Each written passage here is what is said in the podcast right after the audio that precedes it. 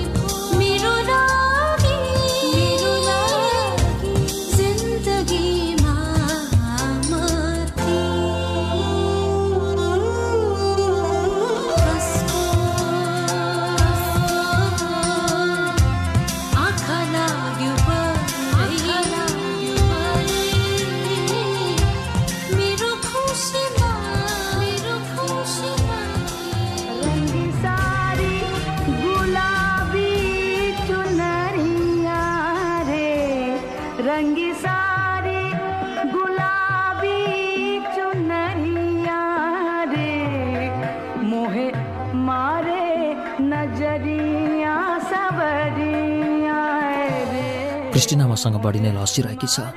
उसको यो स्वभाव देखेर म प्रभावित हुन सक्छु। ऊ मलाई चाहन्छे भने कस्तो किसिमले किन म केही वर्ष पल्पसाको गाढा सम्झनाबाट मुक्त हुन सक्ने छैन। धेरै बेर भयो क्रिस्टिना आइन। के ऊ हल्यान्ड फर्की? वा कतै मेरो प्रतीक्षा गर्दैछ? कतै रेस्टुरेन्टतिर वा आफ्नो होटलमा? वा मेरो घर पुगेर बसिरहेकी छ? कहाँ छ ऊ जो ग्यालरीबाट हिँडेको तिन घन्टा भइसकेको छ र मलाई हस्तक्षेप गर्न आइरहेकी छैन? ऊ आफ्नो देश फर्केकी हुन सक्छ। किनभने राति उसले मलाई धेरै केरकार गरेकी थिए। उसले सोधेकी थिए तिमीले मलाई किन किस गरेको?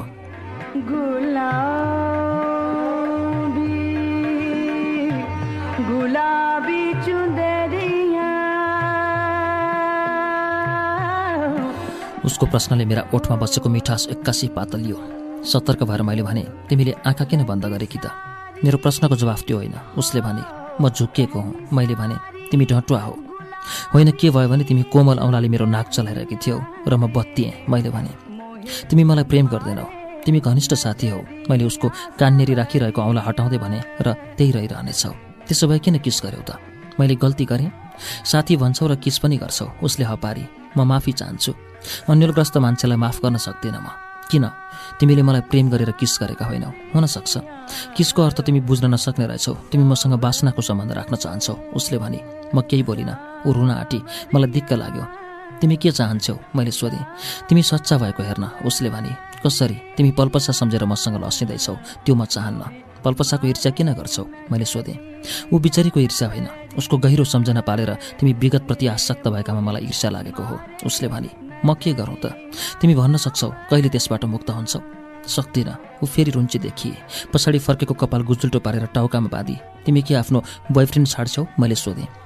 मैले तिमीलाई कतिपल्ट भनिसकेँ तिमीसँगको मित्रतामा ऊ प्रसन्न छ उसलाई मेरो चिन्ता छैन। हामी यसरी एउटै कोठामा सुतेको थाहा पाएर पनि अँ म पहिला आर्मस्टपमै केटा साथीहरूको घरमा सुतेको उसलाई थाहा छ। हामी खुलस्त छौँ तिमी र हामी बिचै भिन्नता छ ऊ मलाई विश्वास गर्छ उसले भने।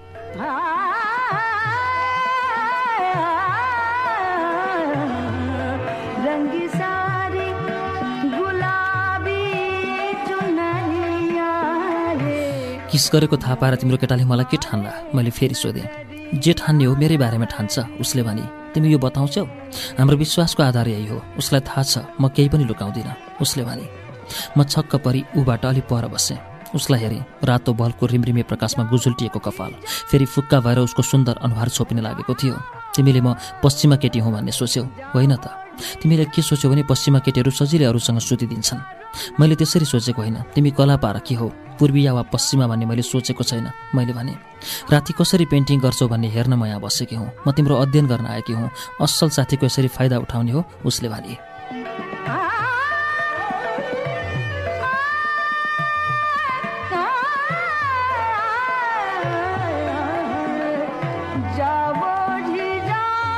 सरी मैले भने सरी नभन तिमी चाहन्छौ भने म तिम्रो गर्लफ्रेन्ड बन्न सक्छु। उसले भने तिमी आफ्नो बोयफ्रेन्डलाई धोका दिन्छौ? धोका होइन त्यो म उसलाई बताउन सक्छु। मैले तिमीलाई किन प्रेम गर्न थालेँ भनेर। हामी समझदारीमै छुट्टिन सक्छौँ। उसले भने ए तिमीले मलाई प्रेम गर्न थालेकी छौ? मैले सोधेँ थालेकी थिएँ। उसले भने थिएँ अब छाड्न सक्छु। तिमीमा पनि त्यही समस्या रहेछ। प्रेम त्यति सजिलो छ स्विच अन गर्दैमा हुने अनि बटन दबाउँदैमा अफ हुने। म तिमी जस्तो दोहोरो धारणा राख्नेसँग अल्मलिन सक्दिनँ। मैले के गर्नुपर्छ त? मैले सोधेँ आफूबारे प्रष्ट हुन सक्नुपर्छ। तिमी पल्पसालाई मिस गरिरहेका छौ भन्ने मलाई थाहा छ। तिमी उसको सम्झनाबाट मुक्त हुन सक्दैनौ तर मलाई तिमी पल्पसा भुलाउने माध्यम नबनाऊ। अनि र मलाई कुरिनी ठानेर जे पनि चल्छ भन्ने सोचाइ नराख। राख्दिनँ म कसरी पत्याउँ? तिम्रो पत्यारका लागि मैले के गर्नुपर्छ? प्रष्ट भन उसले भनी के डु यु लभ मी? म चुप लागेँ।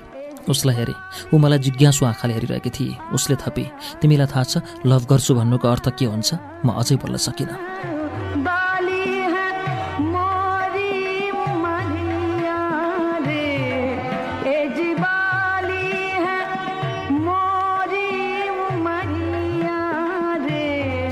उसले भने तिमीले पल्पसलाई पनि वास्तवमै प्रेम गरेका होइनौ। कसरी? प्रश्न छ तिमी उसको सुन्दरता र तिमीप्रतिको सकारात्मक धारणाबाट आसक्त भएका हौ।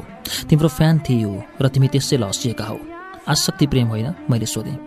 भएको भए तिमी गुवामा उसँग बेखबर छुट्टिँदैनथ्यौ काठमाडौँमा झुक्किएर भेटेका हौ फेरि।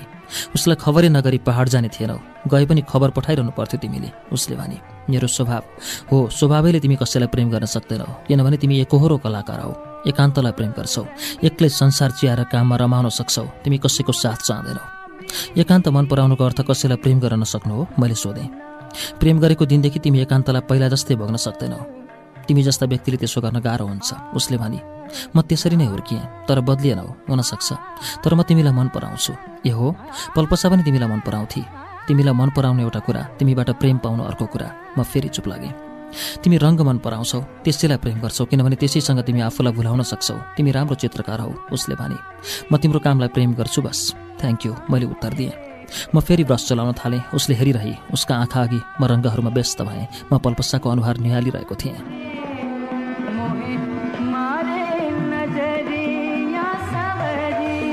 यसो भनेर तिमीप्रतिको मेरो सम्मान कम हुँदैन मलाई विश्वास छ। तिमी हामी असल साथी घनिष्ठ साथी रहनेछौ। हो तर के थाहा के म तिमीलाई प्रेम गरिरहेको छु कि?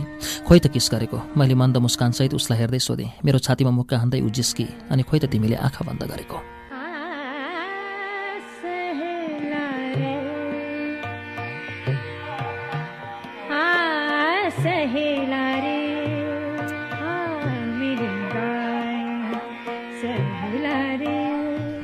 तपाईँ रङ्गहरू कसरी मिसाउनुहुन्छ? जापानी महिलाले नम्र स्वरमा सोधी आँखे भाउ ठाडा पारी धेरै सजिलो छ मनमा जे गुज्रेको छ त्यही पोत्छु म त मैले भने।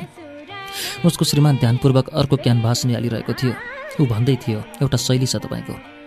मैले उतिर हेरेँ चस्मा छातीसम्म झुन्डिएको डोरी चलाउँदै ऊ अझै त्यो क्यानभास हेरिरहेको थियो। उसले थप्यो यहाँ रङको मिश्रण नजानिदो किसिमले सरल छ। तपाईँ कसरी रङको मिसाउनुहुन्छ? मानौ तपाईँ दुधमा पानी गोल्दै हुनुहुन्छ। कस्तो स्वाभाविक छ अघि युवतीले आफ्ना श्रीमानलाई सही थाप्रो लगाउने गरी भने। रङ्गको भाषा दर्शकको दृष्टिकोणमा भर पर्छ। मैले भने उनीहरू अङ्ग्रेजी सजिलै नबुझ्ने भएकाले मैले अलिक सुस्तसँग त्यही वाक्य दोहोऱ्याएँ। तपाईँ कसरी हेर्नुहुन्छ त्यसै गरी रङ्ग प्रस्तुत हुन्छ।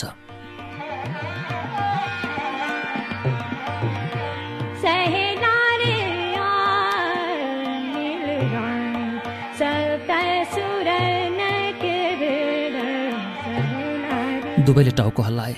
आफ्नै भाषामा मसिनो स्वरले खासखुस गर्न थाले। एकजोर गाउँथली डालीमा बसेर गाउन थाले जस्तो। फेरि आफूले हेरिरहेको क्यानभासमा दृष्टिपात गर्न थाले। उनीहरू ग्यालरीमा आफै अल्मलिन लागेपछि म बाहिरको कोठा फर्केँ।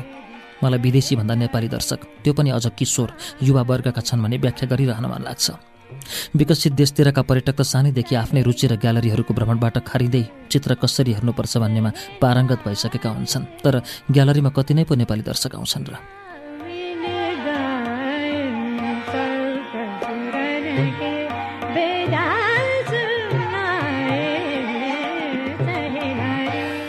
यो चित्र लोग्ने चाहिँले मलाई कोट्याउँदै भन्यो तपाईँको कुनै योजना वा सपना जस्तो लाग्छ।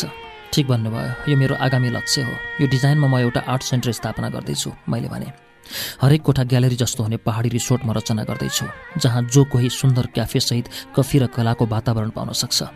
ओहो यसमा तपाईँ बढी खोल्न सक्नु भएको छ उसले रस लियो यो सिरिज मलाई धेरै मन पर्नुको कारण यसमा तपाईँको वेदना र योजना दुवै हुनु हो। उसलाई म बढी के भनौँ पल्पसा श्रृङ्खला सिद्ध्याएको धेरै भयो। तैपनि हिजै जस्तो लाग्छ।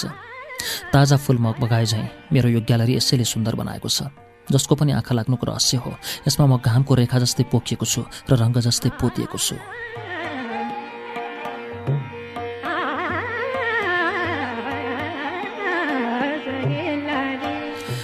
तपाईँका चित्र कतिको बिक्री हुन्छन्? श्रीमती चाहिँ म छेउ सोध्न आइपुगे। त्यसका लागि उसले क्षमा माग्दै भनेकी थिए। तपाईँ माइन्ड गर्नुहुन्न भने म एउटा कुरा सोधौँ। हाम्रो समाज सभ्य हुन बाँकी छ। मैले भने उसले फेरि आँखी भाउ चाली। कला चिन्न सक्दैन। पैसा उनीहरू महँगा चित्र किन्छन्। तिनलाई राम्रो के नराम्रो के खास चासो हुँदैन। महँगा चित्रले घरको शोभा बढाउँछ भन्ठान्छन् मैले भने उसले आँखी भाउ उचालिरहे पैसा उनीहरूले चित्र किन्छन् भने त्यो आफैमा राम्रो बानी होइन र उसले सोधी एक त हामी कहाँ पैसावाल नै कति छन् र जति छन् तिनीहरू आफ्नो पैसाको तुजुक मात्र देखाउन खोज्छन्। मैले भने पैसा धेरै हुनुको जिम्मेवारी बुझ्न सक्दैनन्। धनी भनेको पैसावाल मात्र होइन। उसले के खरिद गर्छ भन्ने पनि हो। धनसँग शक्ति हुन्छ तर समझदार धनीहरू आफ्नो धनको बसमा पर्दैनन्। तिनीहरू धनलाई शोभा मात्र ठान्छन्।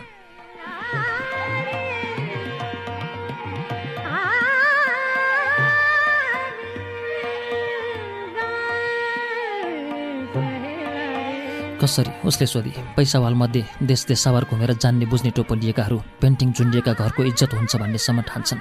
तर तीमध्ये धेरैजसो पेन्टिङलाई घरको अनिवार्य सदस्य स्वीकार गर्नुभन्दा बढी फेसन हो भन्ने मान्यता राख्छन्। सभ्यताको एउटा चरण हो अघि उसले सोधी। पैसाको बलले असल चित्र खरिद हुँदैन। आफ्नो घर कसरी सुन्दर हुन्छ भन्ने जान्न पहिला त आफै सुसंस्कृत हुनुपर्छ। मैले भने हो ऊ उभिरहेकी थिए भनी त्यो त हो। मैले थपेँ सुन्दर मनले मात्र सुन्दर चित्र किन्न सकिन्छ। उटोलाई जस्तो तपाईँ हुनुहुन्छ। मैले उसको प्रशंसा गरेँ। तपाईँहरू अघि नैदेखि एक चित्तले चित्रहरू निहाल्दै प्रश्न गर्दै हुनुहुन्छ। यही त्यसको प्रमाण हो। ऊ गाला रातो पार्दै आफ्ना श्रीमान भुलिरहेको ग्यालरी प्रवेश गरे भित्र फेरि गौँथली सुनिए। ऊ फेरि आई। तपाईँ आफ्नो चित्र किनिउन् भन्ने चाहनुहुन्छ? उसले सोधे। निश्चय नै। मेरो बाँच्ने आधार यही हो। मैले उत्तर दिएँ। त्यसो भए बिक्री सजिलै हुने चित्र बढी बनाउनुहुन्छ त? राम्रो प्रश्न गर्नुभयो तर म त्यसो गर्दिनँ मैले भने। किन? उसले सोधे दर्शकले रुचाउने जस्तो चित्र बनाउन थाल्ने हो भने म सच्चा चित्रकार हुन सक्दिनँ। म त्यति बेला रचनाकार होइन उत्पादक हुन पक्छु मैले भने अनि ऊ फर्के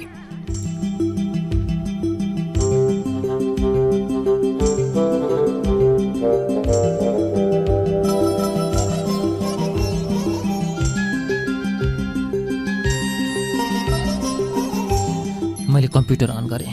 उम्लेको पानी कपमा भरेर कफी हालेँ। कफीको धुलोमा पश्चिम पहाडको सुगन्ध थियो आफ्नो पहाडको गन्धले मलाई झकझकाइरहेछ यो मेरो विशेषता हो वा कमजोरी जे होस् केही महिनादेखि निरन्तर म यो बासनाले गलिरहेको छु यसले मलाई आफ्नो पहाडप्रतिको आसक्ति वा प्रेम झल्काइरहेको छ म यसबाट मुक्त हुन सक्दिनँ यसले मलाई ऊर्जा दिइरहेको छ म चङ्गा झैँ तानिएको छु त्यो पहाडतिर जो डोरी बनेर मलाई खिचिरहेको छ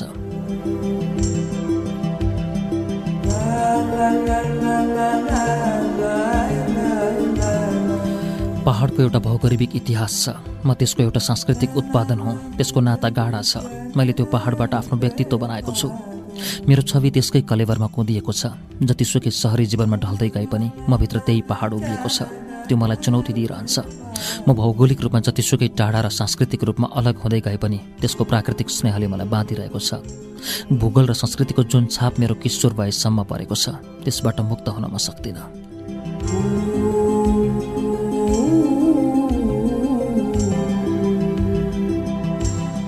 इमेल चेक गरेपछि एक दुई कल फोन गर्नुपर्नेछ। पत्रिका पनि सुकाउनुपर्छ। ढोकामुनि छिराउँदा साइकल बोइले बलेसीको पानीमा रुझाएछ। म एउटा समाचारबाट आन्दोलित छु। जसबारे चित्र सुरु गर्ने मलाई दुई साता लागिसकेको छ। हरेक दिन रन्थन लिन्छु केही आकृति रच्न खोज्छु। सक्दिनँ। आज भने केही न केही रेखा तान्न थाल्नेछु।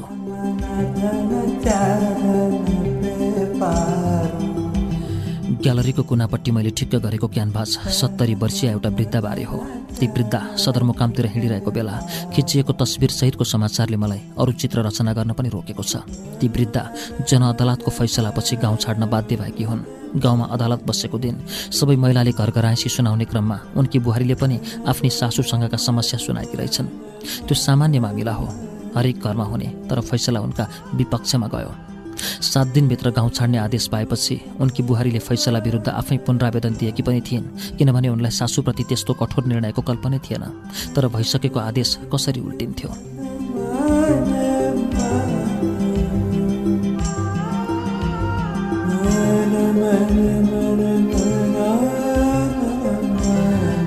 सानो पोको झोला बोकेर चौरी परेका गाला आँसु भरिएका आँखा र कुप्रो शरीरकी मनमैया ओह्रालो झरिरहेका बेला संवाददाताले भेटेका रहेछन्। त्यो ओह्रालो मेरो पहाडको हो। त्यही ओह्रालामा शताब्दीौँदेखि मानिस ओर्लिरहेका छन् तर उनका अगाडि उपस्थित समय फरक छ। त्यस क्षणले मलाई कुतकुत आयो र मैले ओह्रालोमा वृद्धा शीर्षक पेन्टिङ गर्ने प्रेरणा पाएँ तर सकिरहेको छैन। आज जसै गरे पनि त्यसमा काम थाल्नेछु किनभने भुल्दै गएपछि आन्तरिक ऊर्जा अर्कै विषयतिर मुडिन सक्नेछ। पत्रिकाको त्यो कटिङ छेउमा राखेको छु घरिघरि हेर्ने गर्छु धेरै बेर हेर्दा आँखा रसाउँछन्। आँखाको रङ्ग हाल्ने हो भने त्यसमा पुरै निलो पोत्नु पर्नेछ। दुई दिनदेखि पैदल हिँड्दा पनि उनलाई सदरमुकाम बजार पुग्न अझै आधा दिन बढी लाग्नेछ। बजारमा तपाईँको को छ त आमै भनेर संवाददाताले सोद्धा उनले भनेकी रहेछन्। चिनेका मान्छे कोही छन् कि भन्ने आश गरेकी छु। यस्तो उमेरमा पनि यस्तो सजाएँ उनीहरूले मार्छु त भनेका थिएनन्। नभनेको कुरा गर्नु हुँदैन बाबु। बुहारीले बिराई। उसले फैसला सच्याउन भनेर पुकारा पनि गरी तर म आफ्नै घरबाट हिँडेँ। डर त लागिहाल्छ नि। होइन र बाबु उनले सोधेकी रहेछन्। त्यो कटिङ फेरि पढिरहेका बेला कसैले ढोका ढकढक गर्यो। एकैछिन म कराएँ।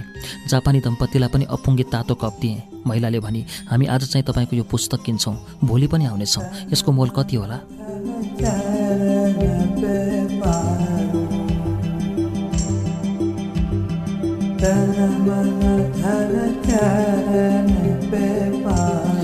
त्यो मेरो चित्र पुस्तक हो जसमा मैले आफ्ना कलाको मान्यता र अभ्यासको वर्णन गरेको छु। मैले पुस्तकको पुछार पृष्ठमा मुद्रित मूल्य देखाएँ। उसले क्यालकुलेटर निकालेर त्यो नेपाली मूल्यलाई डलर हो वा यानमा रूपान्तरण गर्न थाले। लोग्ने चाहिँ आफ्नो श्रीमतीलाई म्यापल ट्री सम्झाइरहेको थियो जुन रुखहरू ऋतुपिच्छे जापानमा आफ्ना पातहरूलाई फरक रङ्ग दिन्छन्। तिमी सम्झिन्छौ क्यालकुलेटरमा व्यस्त श्रीमतीलाई ऊ सम्झाइरहेको थियो। पोहोर हामी पात झर्ने सिजनमा पहाड चढेका थियौँ। शरदयाममा रातामे पहाड हेर्न मान्छे ओहो कति विधि भइरहेका थिए।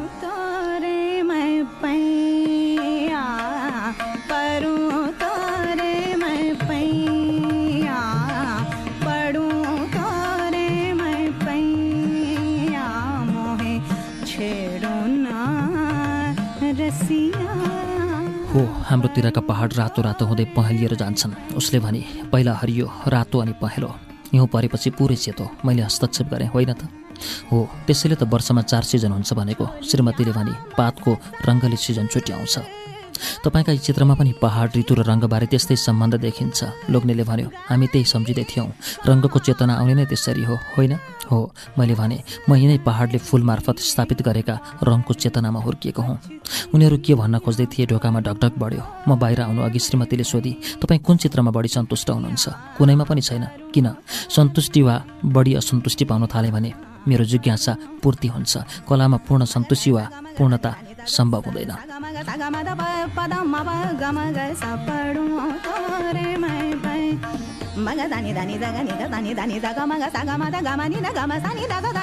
उसले मेरो अनुहार हेरी कफीको पहिलो स्वरूप ओठमा लाग्दा नलाग्दै म ढोकातिर बढेको थिएँ। अपरिचित व्यक्तिहरू रहेछन्। बस्नुहोस् मैले सोफा देखाएँ र आफू चाहिँ भित्तातिरको कुर्सीमा फर्केँ। यो कुर्सी मैले ताइवानबाट मगाएको हो। एक वर्षमै हल्लिने भइसकेको छ। कामदार हुनु भने मर्मत गर्न यिनीहरूलाई दिनु पर्ला तपाईँहरूको परिचय मैले सोधेँ किनभने तिनीहरू कलाका पारखी जस्ता देखिन्थेनन्। तिनीहरू नबोली भित्ता र टेबलतिर हेरिरहेका थिए। भित्ता हेरे पनि तिनले चित्रमा ध्यान दिएका थिएनन् भन्ने म बुझ्न सक्छु। चित्रकारको खुबी पनि हो दर्शक चिन्ने। लवाई हेर्दैमा तिनीहरूमा चित्रकलाको स्वाद लिने छाँट देखिन्थेन। त्यसैले अलि अप्ठ्यारो पनि भयो।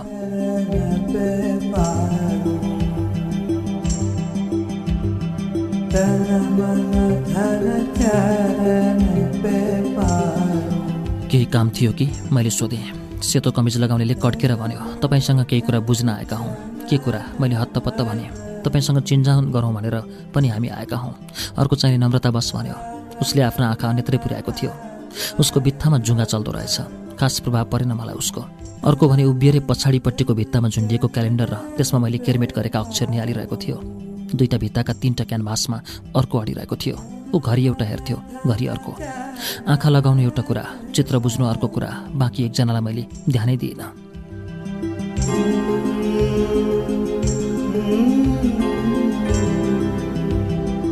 कफी लिनुहुन्छ? मैले सोधेँ किनभने उनीहरू छिट्टै फर्कने जस्तो लागेन। मलाई इमेल चेक गर्न हतार भइसकेको थियो। हामी सुरक्षाकर्मी हौँ पहिलो वक्ताले भन्यो म झस्किएँ अनुहारमा मैले कुनै परिवर्तन आउन भने दिइनँ। भित्र ग्यालरीमा जापानी दम्पति आफै व्यस्त हुनुपर्छ। फुलन आइपुगेको छ कि?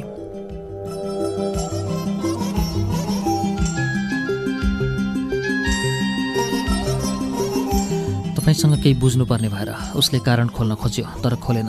कस्तो कुरा? मैले सोधेँ। हामीसँगै जानु पर्ला तपाईँ। अर्कोले अलिक कडा स्वरमा भन्यो कहाँ? हिँड्नुहोस् न। तेस्रोले करै गर्यो र जुरुक्क उठ्यो। म काँप्न थालेको थिएँ। तर भर्सक आफू डराएको उनीहरूले चाल्न पाउनु भन्नेमा म उत्तिकै सजग पाएँ मेरो काम छ। अहिले त म निस्कन सक्दिनँ। भित्र ग्यालेरीमा विदेशीहरू छन्। तिनलाई मैले टाइम दिएको छु। म त व्यस्त चित्रकार हुँ। मैले भने।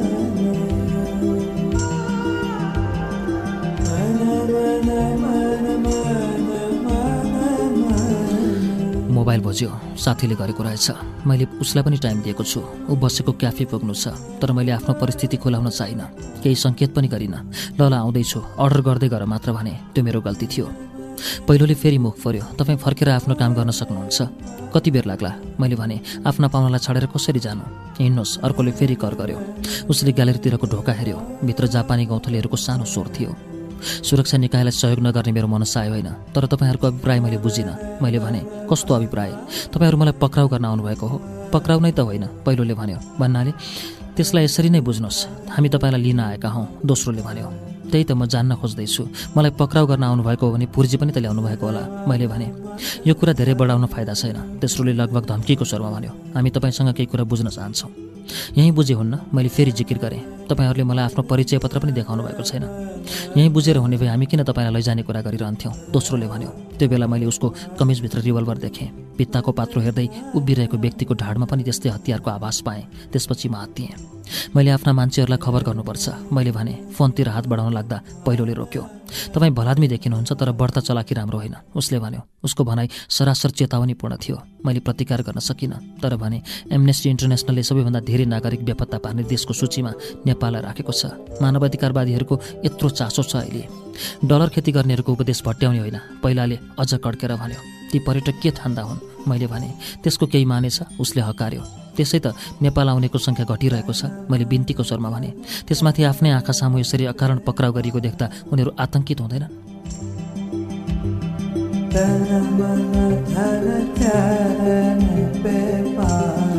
धेरै कुरा गर्ने होइन ल जाउँ भनेर दोस्रोले हात समातेपछि मेरो केही लागेन।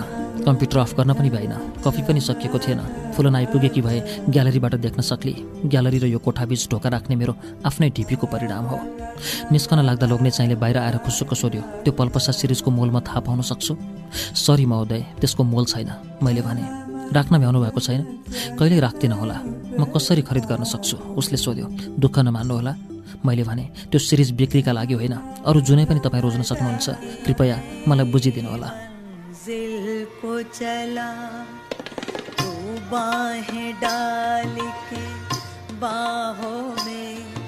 दिल तोड़ने वाले चल। हम भी तो पड़े हैं राहों में हम भी ऊ हल्ला पर्यो त्यहीँ उभिरह्यो। उसलाई के थाहा? म अचानक बारिँदैछु भन्ने मैले उसलाई भन्न पनि चाहिनँ म यस्ता कला पारखीलाई आफू बन्धक भनेको सुनाएर के पाउँछु? उनीहरू विचलित भएको म हेर्न सक्दिनँ। मलाई आफ्नो पेन्टिङ जत्तिकै प्रिय लाग्छन्। चरा फुल बालबालिका र कला पारखीहरू।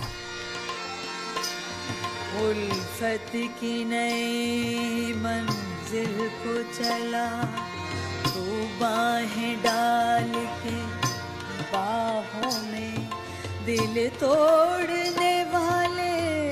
देख के चल। हम भी तो पड़े हैं राहों में। हम भी तो पड़े हैं राहों में।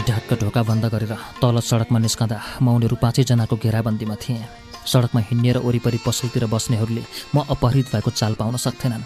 सुरक्षाकर्मीकै गतिमा म लम्किएको थिएँ। कोही परिचितलाई भेट्न पाए पनि खबर दिनुहुन्थ्यो।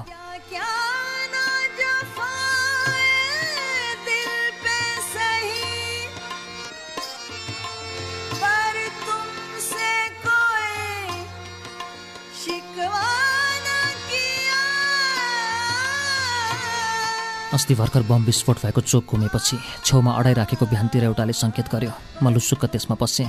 विस्फोटमा परेका ठेलावालाको अनुहार सम्झेँ। तिनको परिवारको बिचल्ली भएको थियो। सानी छोरीलाई लिएर ठेलामा सामान हालिरहेका बेला उनी बजारिएका थिए। उनी छोरी भाग्यले दुई मिटर पर उभिएकीले जोगिए उनको ज्यान गएको दिन मैले ग्यालरीमा बेचैन साथ बिताएको थिएँ। खालि त्यही छोरीका तोरीका गेडा जस्ता आँखाको झझल्को आइरहेको थियो। उसका आँखा अहिले पनि यतै सडकमा कतै देखिएलान् जस्तो लाग्यो।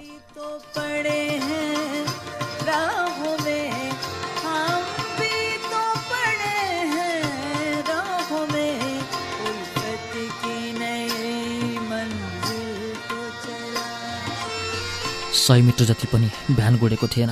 दुईतिर बसेका जवानले टाउकोलाई घुँडासम्म झारेर मेरो आँखामा पट्टी बाँधिदिए। बाहिरबाट कसैले पनि गाडीभित्र मलाई देख्न नसक्ने भयो।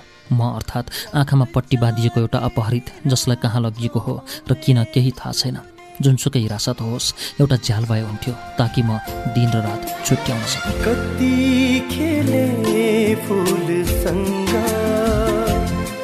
जुनसँग कति कति कति खेले फुलसँग जुनसँग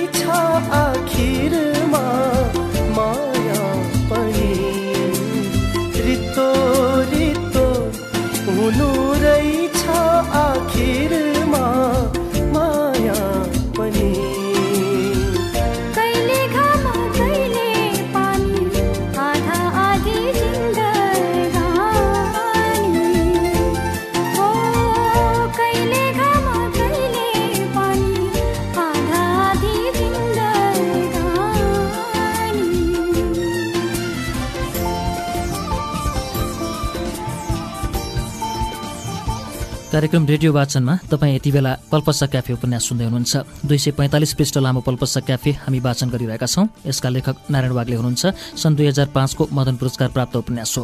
यहाँसम्म आइपुग्दा उपन्यासको दुई सय तेत्तिसौँ पृष्ठ पुरा भएको छ। यहाँसम्मको कथा उपन्यासको मूल पात्र दृश्यको कथा हो। लेखकले आत्मपरक शैलीमा प्रस्तुत गरेको यो उपन्यास यसपछि पनि अगाडि बढ्छ। यसपछिका पृष्ठमा लेखक आफै आफ्ना कुरा लिएर प्रस्तुत भएका छन्। दृश्यसँगको उनको सम्बन्ध र उपन्यासको तयारी अनि उपन्यास तयार भइसकेपछिका केही दृश्यहरू अबका पानाहरूमा समेटिएका छन्। नारायण वाग्लेलाई कार्यक्रमको यो खण्डमा प्रत्यक्ष समावेश गराउने हाम्रो योजना देशको अहिलेको विकराल परिस्थितिका कारण सफल हुन सकेको छैन। सञ्चारका साधनहरूमा रहेको अवरोध बजारभरि व्याप्त कर्फ्यूका आदेश अनि बाटोघाटोमा सञ्चारकर्मीप्रतिको धरपकडका कारण उहाँसँग प्रत्यक्ष सम्पर्क समेत हुन सकेको छैन भन्न मलाई यति बेला अप्ठ्यारो लागिरहेको छैन। उपन्यास फेरि अघि सार्छु। सारांशको रूपमा उपन्यास अगाडि दुई सय तेत्तिस पृष्ठपछि यस्तो छ।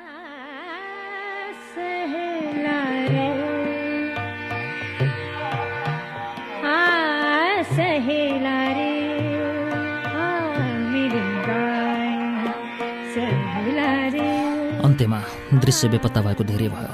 कुनै खोजखबर हुन नसकेपछि मैले उसबारे जम्मा गरेका तथ्य र प्रभावका आधारमा यस उपन्यासलाई अन्तिम रूप दिएँ। उपन्यासको परम्परागत ढाँचाप्रति म सच्चा हुन सकेँ सकिन थाहा छैन। यो एक व्यक्तिगत जीवन हो। लेखेर सकिएको साँझ ठमेरको एउटा रेस्टुरेन्टमा एक्लै बसिरहेको थिएँ। बारपट्टिबाट मधुरो सङ्गीत आउँदै थियो। मोबाइलमा एउटा नौलो नम्बर देखा पर्यो। स्क्रिनमा अपरिचित नम्बर छ भने अनौठो व्यक्तिसँग नयाँ विषयमा कुरा हुन सक्छ। उठाएँ। हेलो। एउटी केटीको स्वर आयो। नारायण बोल्नुभएको हो। हो भन्नुहोस्। नमस्ते। मेरो नाम जेमिनी। उसले भने म अमेरिकाबाट हालसालै काठमाडौँ आएकी हुँ। तपाईँलाई भेट्न चाहन्छु। के का लागि होला? मैले सोधेँ। उसले कुरा खोल्न छैन यति भने तपाईँ सम्पादक हुनुहुँदो रहेछ।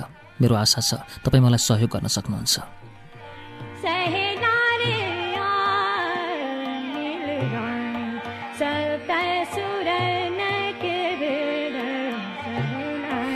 कस्तो सहयोग मैले बुझिनँ। उसले फोनमा विस्तार गर्न छैन। कुनै दिन अफिस आउन सक्नुहुन्छ भनेर पन्छाउन खोजेँ। समय पाए अहिले भेट्छु भने डिबी कसी। काठमाडौँमा धेरै समय छैन भने छिट्टै फर्किनु पर्ने रहेछ। हत्या गर्छ भने म उसलाई किन नभेटौँ? कसैलाई किन भेट्ने र नभेट्ने निदो गर्न पर्याप्त आधार खोज्नु पत्रकारको स्वभाव होइन। अफिसमा फोन गरेँ। केही अर्जेन्ट त छैन। आज खासै जटिल समाचार छैन। घटनाहरू सरल हुन थालेका छन्। दुई तिन ठाउँ सामान्य भिडन्त भएको हो। बाह्र चौधजना त हरेक दिन मरिरहेकै छन् ठुलो कुरा भएन। विचार पृष्ठहरू तयार भइसकेका रहेछन्। म अलि सुविस्तामै थिएँ तर के थाहा कुनै पनि बेला कहीँ पनि ठुलो घटना हुनसक्छ यस्तो अफर पर्दो याम छ र जेका लागि पनि जतिखेर पनि तम तयार रहनुपर्छ।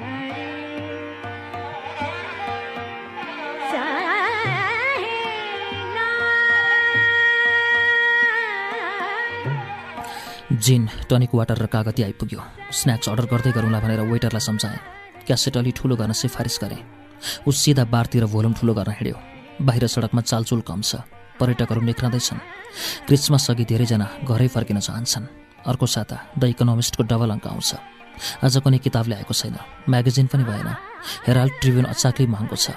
त्यहाँ तल पसलमा अरू अखबार छैनन्। म आज केही पढ्न चाहन्न। तर एक्लै रौरौती बसिरहन पनि सक्दैन। दृश्य ओझेल परेपछि म अलि आत्तिएको छु। धन्य उसको उपन्यास टुङ्ग्याएँ।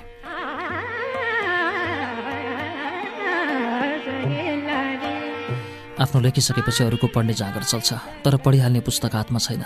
ड्रिङ्क सकेर पुस्तक पसल चाहरौँला। हामी कहाँ समीक्षाका आधारमा पुस्तक बिग्दैन। समीक्षक नहुनुको दुःख पाठकलाई छ। तर राम्रै पुस्तक पनि कति पो निस्कन्छन् र असल लेखक धेरै नभएको समाज बौद्धिक अर्थमा दरिद्र नै हुन्छ। यही पुस्तक पनि मलाई दृश्यले लेख्न आवश्यक हो। विषय भने आफैले छानेको हुँ।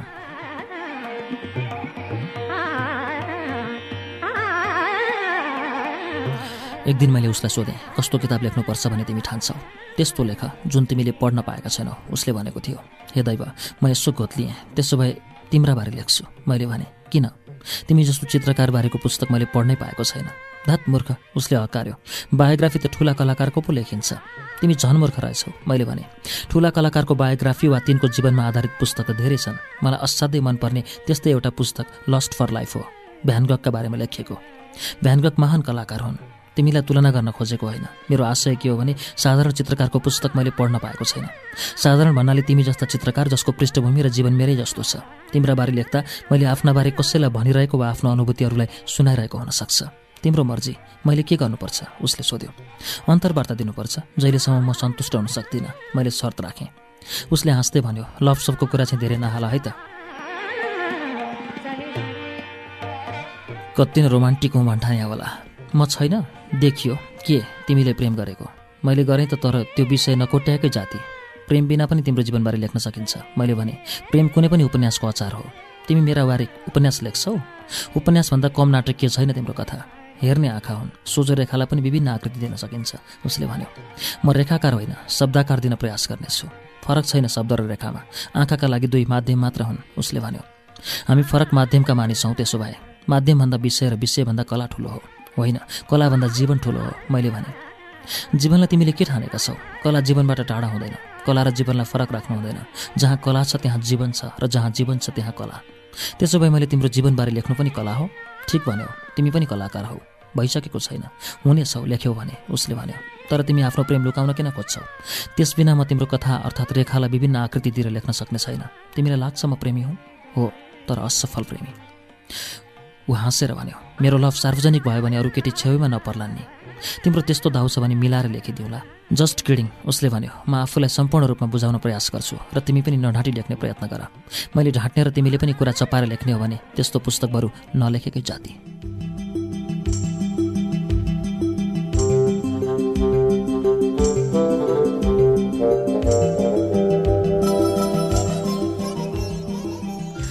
माघको एउटा चिसो रात मैले यसको खेस राख थालेँ। धेरै केरफार गर्नु पर्यो। उसलाई धेरै दिन अन्तर्वार्ता गरे पनि पछि पछि नपुग हुन थाल्यो। लेख्दै जाँदा कौतूहल बढ्दै जान्छ। जिज्ञासा बढ्दै जान्छ फेरि सोध्नुपर्ने हुन्छ। धेरै ठाउँ उप्रष्ट हुन नसकेकाले पनि उपन्यास पूर्ण हुन सकेको छैन। यो व्यक्तिगाथा जस्तो भएको छ किनभने मैले दृश्य बाहेक अरूसँग अन्तर्वार्ता गरेकै छैन। यो सम्पूर्णतः उसको कथा हो उसकै जीवन हो उसको दृष्टिकोण र अनुभव हो। अरूको चित्रण खुलस्त हुन सकेको छैन भने त्यो मेरो कमजोरी हो। दृश्यका आँखाबाट मैले अरूको चरित्र निकालेको छु। चित्रकारका आँखाबाट हेरिएका अरू पात्रहरूलाई न्याय गर्न सकेको छु भन्नेमा म विश्वस्त छैन। तर कहिले कुनै पनि लेखाइ पूर्ण हुन सक्दैन। केही न केही बाँकी हुन्छ अभाव खड्किन्छ त्यो रिक्तता फेरि भर्न सकिन्छ। यो उपन्यास उसको अनुभव र हेराइमा आधारित भए पनि पूर्ण रूपमा ऊ आफै खोल्न नसकेकामा म अचम्मित छैन। उसको कथा भए पनि मैले सुनेको र बुझेको उसको चित्रण हो त्यसैले दृश्यको जीवनगाथाभन्दा बढी मैले चिनेको दृश्यको कथा हो अझ भनौँ मेरो बुझाइको यो उसको वान साइड स्टोरी हो। पल्पसालाई पनि मैले भेटिनँ। कम्तीमा उसलाई मात्र भेट्न सके पनि मैले ती दुई बिचको सम्बन्ध र पल्पसाकै दृष्टिकोण फर्स्ट ह्यान्ड पाउन सक्थेँ। त्यो बढी परिपक्व हुने थियो। दृश्यको पछिल्लो जीवन पल्पसाबाट डोरिएको छ। उसकै नाममा पहाडमा ऊ त्यत्रो योजना बुनिरहेको थियो। ऊ असमयमै शिकार भई ऊ बाँचेकी भए म पक्कै भेट्ने थिएँ। म उसलाई भेट्न धेरै उत्सुक थिएँ। काठमाडौँमा बाल्यकाल गुजारेकी पल्पसाको दृष्टिकोण पश्चिमी सभ्यताले पूर्ण थियो। दृश्यबरु प्रान्तीय वातावरणमा हुर्किएको हो। पल्पसाले भने अन्तर्राष्ट्रिय वातावरणमा खारिन पाई यिनका व्यवहार आफ्नो हुर्काई पढाइ सङ्गत र भोगाइले फरक छन्। त्यही भिन्नता बीचको सङ्घर्ष छ यिनको सम्बन्धमा। सम्बन्धका सङ्घर्षहरू सधैँ चाखलाग्दा हुन्छन्। मेरो रुचि यस्तै विषयमा छ नत्र म यसलाई उपन्यासको आकार दिन इच्छुक नहुन सक्थेँ।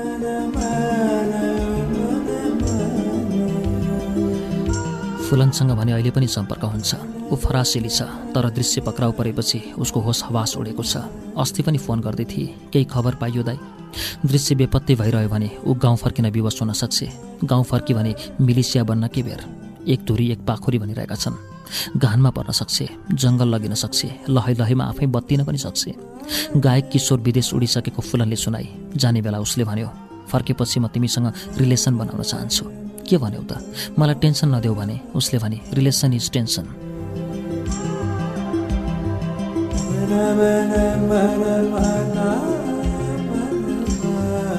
काठमाडौँमा दृश्यको खास साथी भनेको छेरिङ हो जस्तो देखिन्छ। ऊ आफै व्यस्त फोटोग्राफर हो जसलाई भेट्न सजिलो छैन। कति महिना विदेशतिर हुन्छ। मैले यो उपन्यास अझ पूर्ण बनाउने हो भने ऊ हिँडेको पहाडी बाटो एकपल्ट घुम्नु पर्थ्यो। तर मेरो पेसाको व्यस्ततासँगै ऊ जसरी भ्रमण गर्न स्थिति प्रतिकूल छ। उसकै बारेमा पनि मैले केही पृष्ठभूमि राम्ररी बुझ्न पाएको छैन। जस्तो ऊ कसरी काठमाडौँ बोर्डिङ पठाइयो कसरी बा आमा बिते ऊ कुन लहरमा चित्रकार बन्यो किन त्यति साह्रो एक्कालकाटी भयो स्कुल कलेजका दिनहरू कसरी बिते उसको व्यक्तित्व र स्वभाव कसरी त्यस्तो बन्यो धेरै ठाउँ छन् जहाँ म आफै कुइराको काग भइरहेको छु। त्यो रिक्तता चित्रमा हुने रङ्गको शून्यता जस्तो हो। दर्शक आफैले अर्थ्याउन सक्ने खाली ठाउँ जस्तै यस उपन्यासमा पनि प्रशस्त त्यस्ता प्रसङ्ग छन् जसमा पाठकको कल्पना शक्ति उपयोग हुनेछ। जेठ उन्नाइसको राति र त्यसपछि सिद्धार्थ भेटेर उसमा धेरै परिवर्तन आएको छ। त्यसअघि उस सरदर काठमाडौँले तन्नेरी मात्र थियो एक चित्तले बहकिन्थ्यो र चित्र गर्थ्यो। त्यसपछि ऊ फरक भएको छ।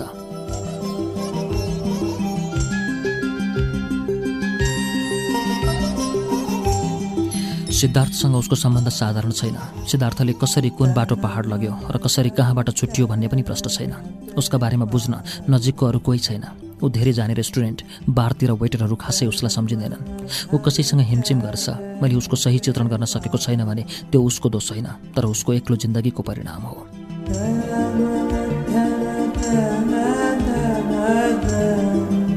मलाई लागेको एउटा खसखस भनी मेटाएँ क्रिस्टिनाका बारेमा। ऊ किन एक्कासी दृश्यलाई केही नभनी टाप कसी त्यसबारे मलाई धेरै कौतल थियो। फुलन निन्याउरे के होली भनेर दृश्य अपहरित भएपछि म ग्यालरी गएको थिएँ। फुलन किबोर्डमा अल्झिरहेकी रहेछ। ऊ दृश्यका तर्फबाट चिठी पत्रहरू फर्काउने गर्दिरहेछ सधैँ। हुन पनि दृश्य कति भ्याओस्। ऊ कहिले महिनौसम्म कसैलाई केही नपठाइ बस्न सक्छ। फुलनले उसको इमेल व्यवस्थापन गर्ने गरेको मैले त्यही दिन चाल पाएँ तर ऊ हैरान देखिएकी थिए।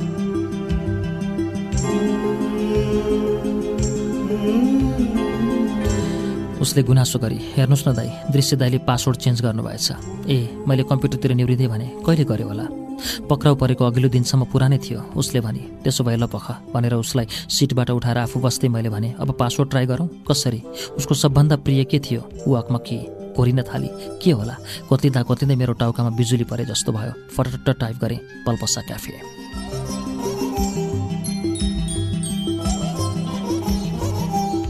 हो त उसले अरू कुन पासवर्ड राखोस्? इमेल खोलेपछि फुलन दुई बित्ता उफ्री कि ऊ स्कुलमा हाइजम्प गर्थे? जे होस् उसको अनुहार दा पक्कै बलेको थियो। कि मैले उसको इमेल पढ्नुहुन्छ? म उठेँ। ऊ बसी ल हेर्नुहोस् त दाई उसले आउँला तन्काएर देखाउँदै भने क्रिस्टिनाको कति धेरै मेल? खोल्नुहुन्छ? उसलाई भनिदिनु परेन। खोला खोला मैले उक्साएँ। कि तिमी दृश्य गिरफ्तार भएको जानकारी दिन्छौ? नदिने? खै म उभिरहेँ। त्यसरी अर्काको व्यक्तिगत पत्र हेर्न मलाई धक लाग्छ। तर फुलनलाई त्यो अधिकार दृश्यले दिएको छ भने म किन हस्किने? एउटा पत्रमा क्रिस्टिनाले लेखेकी रहेछ म बिदाबारी नभई किन फर्केँ भन्ने तिमीलाई लागिरहेको होला? मैले गहिरिएर सोचेँ। तिमीसँगै बसौँ कि नबसौँ? आफ्नो बोयफ्रेन्डलाई बिर्सौँ कि नबिर्सौँ? तिमी पहाडबाट फर्केपछि म धेरै दिन बिलखबन्दमा परेकी थिएँ। एक दिनको घटनाले मलाई परिवर्तन गरिदियो। जुन दिन म तिमीसँग ठुस्केर ग्यालेरीबाट निस्केकी थिएँ त्यसको भोलिपल्ट मेरो बर्थडे थियो। तिमीले मलाई बर्थडे विस गरेनौ।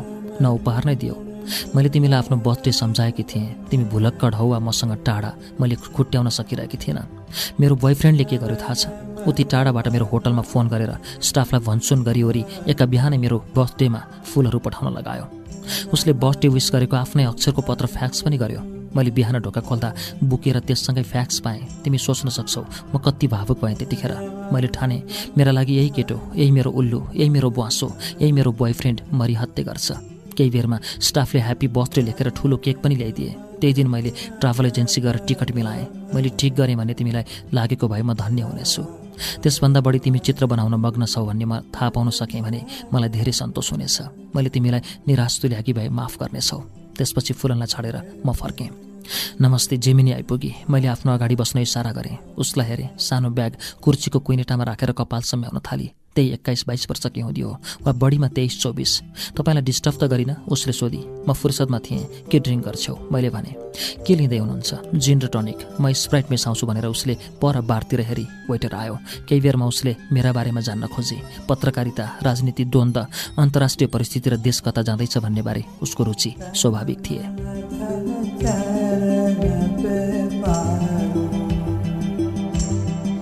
सुरक्षा फौज र माओवादी बीच भिडन्त र बदलिँदो परिस्थितिप्रति केही चोटिला प्रश्न गरी हामीले ड्रिङ्क थप्यौँ। उपन्यास सकिएर हलुको भएकाले म धेरै बेर पिउनै चाहिरहेको थिएँ। उसले घनिष्ठ साथी जस्तो साथ दिन थाली। रमाइलो मानिरहेकी थिए। केही कुराको तलासीमा उसका आँखा घरिघरि चिम्सा बन्थे। पछि बल्ल रहस्य खोल्न थाली।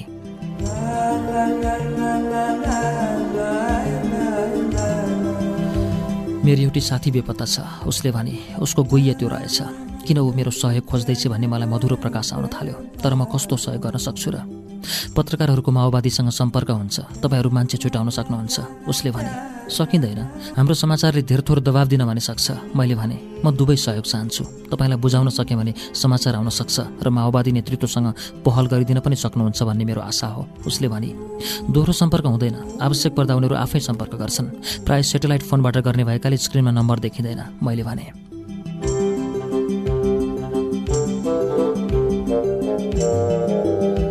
नजिकै आएर उभियो। स्न्याक्स अर्डर भएको थिएन।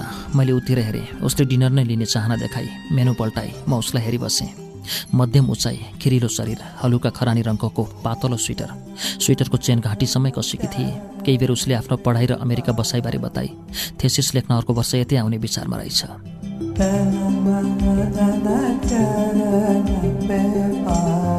म यहाँ आउँदा साथी हराएको धेरै भइसकेको रहेछ। उसले भने कहाँबाट हराएकी? काठमाडौँ बाहिर डुल्न निस्केकी थिए। कता? पश्चिमतिर हुनुपर्छ। एकिन छैन। कसैलाई पनि थाहा छैन। उसको घरमा कोही छैन? हजुरआमा हुनुहुन्छ। उसले भने म झस्किएँ। उसको नाम पल्पसा।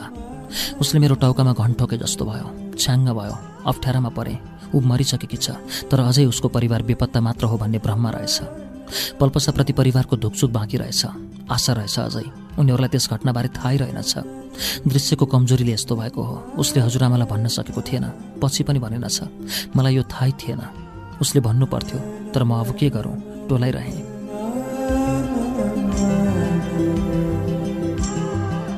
उसलाई अहिले नभनौँ। कुनै न कुनै दिन त भन्नै पर्छ। भनिन भने पनि किताब बजारमा आएपछि सबैलाई थाहा हुनेछ। म बेइमान ठहरिनेछु यस केटीलाई मेरा बारेमा थाहा छैन। मैले दृश्य र पल्पसाबारे उपन्यास लेखेको छु भन्ने अरूलाई कुनै सुइँको छैन। ऊ मरिछ कि भनेर लेखेको उपन्यास छाप्न प्रकाशकलाई दिन ठिक्क पारेकै दिन उसकी साथी आइपुगेकी छ र मैसँग सहयोग माग्दैछे निकै बेर औडाहा भयो। ड्रिङ्क थपेँ। ऊ पास्ता लिँदै थिए। म भित्र हुडलिएको छाल उसले कसरी चाल पाओस्?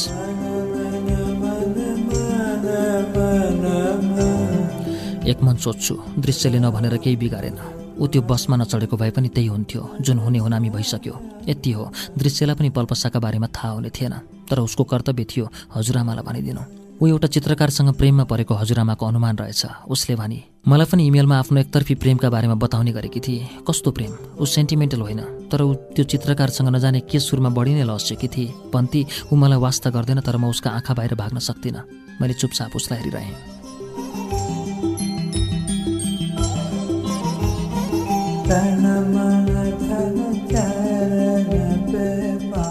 कहीँ नपाएर नेपालमै गएर फसिस भनेर मैले इमेल पठाएकी थिएँ। ऊ आफ्नो जीवनलाई नयाँ पाउन थालेकी छु भन्थे। जीवन के हो भन्ने बुझ्न थालेकी छु। सम्बन्ध के हो भन्ने बुझ्न थालेकी छु। समाज के हो देश के हो सङ्घर्ष के हो बुझ्न थालेकी छु भन्थे।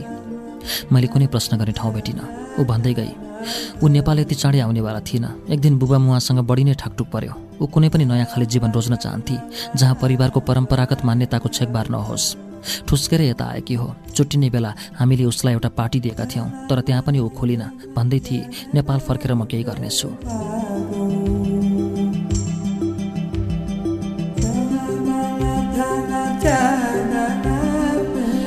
के गर्ने चाहिँ हामीले गेस गर्न सकेनौँ तर ऊ कटिबद्ध थिए। उसले त्यति धेरै साथीहरू चट्ट छाडी ऊ धेरै साथी भएकी केटी हो। केटा र केटी सराबरी साथी बनाउन खप्पिस।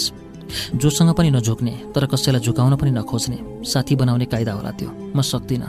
ऊ त्यही कारण फरक थिए। एक्लै बस्न कहिले कतै नसक्ने तर एक्लै हुरिएर यता आई। मैले सोधेँ ड्रिङ्क थपौँ?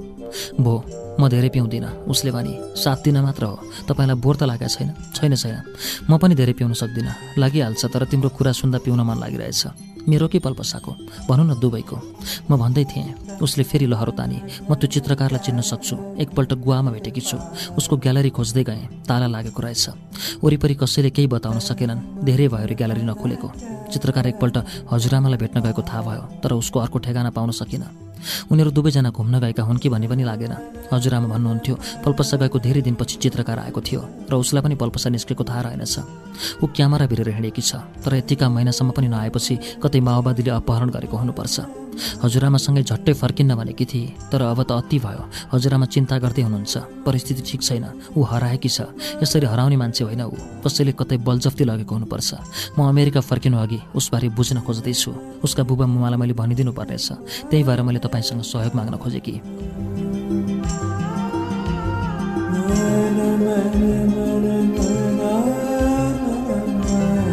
म चुपचाप सुनिरहेको थिएँ। अलि बढी पिएछु। रोकिरहन सकिनँ फ्याक्ट भनिहालेँ ऊ अब फर्किन्न। उसले सिधा मेरा आँखामा कर्कर्ती हेरी अविश्वास गर्ने आँखा काँडाले चाहिँ हेर्छन्। मैले त्यसै भनिदिएँ भन्ने उसलाई लागेको होला। अभाग भई उचालिरहेको पानीको ग्लास टेबलमा राखी। मलाई हेरिरहे मैले केही बोल्नु अघि उसले सोधी तपाईँ के भन्दै हुनुहुन्छ? ठिक भन्दैछु। भन्नाले तिमीले के बुझ्यौ? के मारी त्यही ठाना। कसरी थाहा पाउनुभयो म पत्रकार भएर होइन मैले भने कसरी ठोक्का गर्दै हुनुहुन्छ? तिमीसँग फुर्सद छ? किन? म तिमीलाई एउटा किताब पढाउन चाहन्छु। किन? त्यसैमा सबै थोक लेखिएको छ। ऊ जिल्ल परी हेर्दा हेर्दै उसका ओठ सुक्खा भए आँखा रसाए। म बटारिएको देखेर ऊ बाथरुम गई। आई फेरि मलाई क्वारक्वार्ती हेरी। वेटरसँग सिगरेट मागी। उसले भन्यो सरी म्याडम हामीसँग लुज सिगरेट छैन।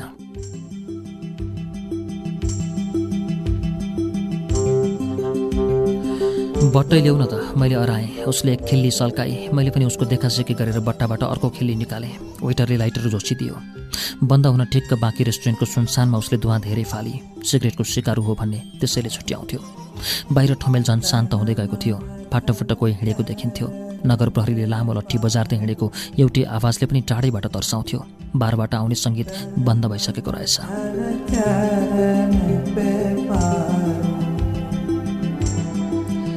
के पल्पसाकै बारेमा लेखिएको छ उसले सोधी तिमी के ठान्छौ? मैले जान्न खोजेँ कि भने तपाईँले भनेको किताबमा उही पल्पसाका बारेमा लेखिएको छ त? म तिमीलाई झुक्क्याउँला? तर कसरी थाहा पाउनुभयो? किनभने म त्यसको लेखक हुँ मैले भने ऊ छक्क परी। कतिसम्म भने उसका परिलाई झिमेकै गरेनन् धेरै बेरसम्म। मलाई ठुङ्गिरहे म आत्तिने गरी। एक पप तानेको धुवा झुक्किएर उसको अनुहारतिर गयो। मैले हात चलाएर पन्छाएँ। ऊ अर्को पप तानेर सिलिङतिर उठाउँदै थिए। वेटर फेरि नजिक सर्यो। एक्सक्युज मी सर के भयो? बन्द गर्नुपर्ने बेला भयो। हामी बसिरहेका देखेनौ? प्रहरी आइपुग्छ सर। आउन देऊ म आफै कुरा गरौँला। मैले भने होइन सर। हामीलाई लैजान्छ। उसले लत्तो छाडेन। भोलिदेखि हामीलाई नै दुःख दिन्छ। सरहरू आजका पाहुना। हामी त खोरमा सधैँका पाहुना हुनुपर्छ। मलाई उसको भनाइ निको लागेन। जेमिनाले पनि उतिर रिसाएका आँखाले हेरी हिँडौँ मैले भने मलाई त्यो किताब दिनुहोस् अब प्रेसमा जाँदैछ। ड्राफ्ट पढ्ने भए म दिन्छु। मैले भने फरक पर्दैन। ऊ उठी। मैले उसलाई ए फोर साइजका कागजमा कम्प्युटर प्रिन्ट भएको उपन्यासको मस्यौदा दिएँ। उभिँदा उभिँदै उसले आँखा ठुला पारेर हेरी। प्लास्टिकको पारदर्शी कथाभित्र ठुला अक्षरमा प्रष्ट लेखिएको थियो पल्पसा क्याफे।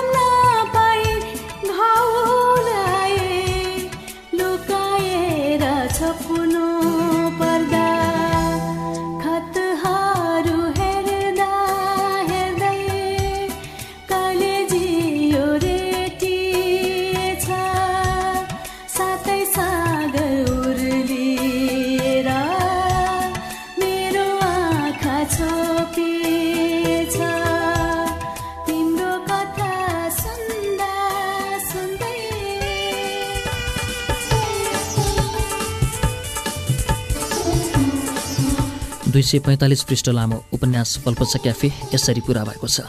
नारायण वाग्लेद्वारा लिखित पल्पसा क्याफेको उपन्यास वाचन हामीले यहाँहरू समक्ष विगत आठ श्रृङ्खला यता वाचन गर्दै आएर आजको श्रृङ्खलामा पुरा गरेका छौँ। सुनेर प्रोत्साहित होइने आशामा हामीले यो तपाईँ समक्ष प्रस्तुत गरेको उपन्यास कस्तो लाग्यो? कृपया तपाईँको चिठी पत्र यस कार्यक्रम मार्फत प्रस्तुत नहुने भए पनि हामी दोहोरो संवाद गर्न सक्छौँ। इमेल मार्फत तपाईँ इमेल गरिदिनुहोला पत्र पठाइदिनुहोला हामीलाई। हाम्रो कार्यक्रमको पत्राचार ठेगाना कार्यक्रम रेडियो भाषण पोस्ट बक्स नम्बर आठ नौ सात चार सिपिसी चौरानब्बे काठमाडौँ नेपाल। इमेल ठेगाना GHI MIRE ACHYUT Ghimire Achyut at Gmail dot com हवस् त अर्को हप्ताको रेडियो वाचनमा अर्को कुनै कृति लिएर आउने बाचा गर्दै प्राविधिक साथी अनिल मण्डर र म प्रस्तुता अच्युत घिमिरे बिदा माग्छौँ। आज्ञा दिनुहोस् नमस्ते।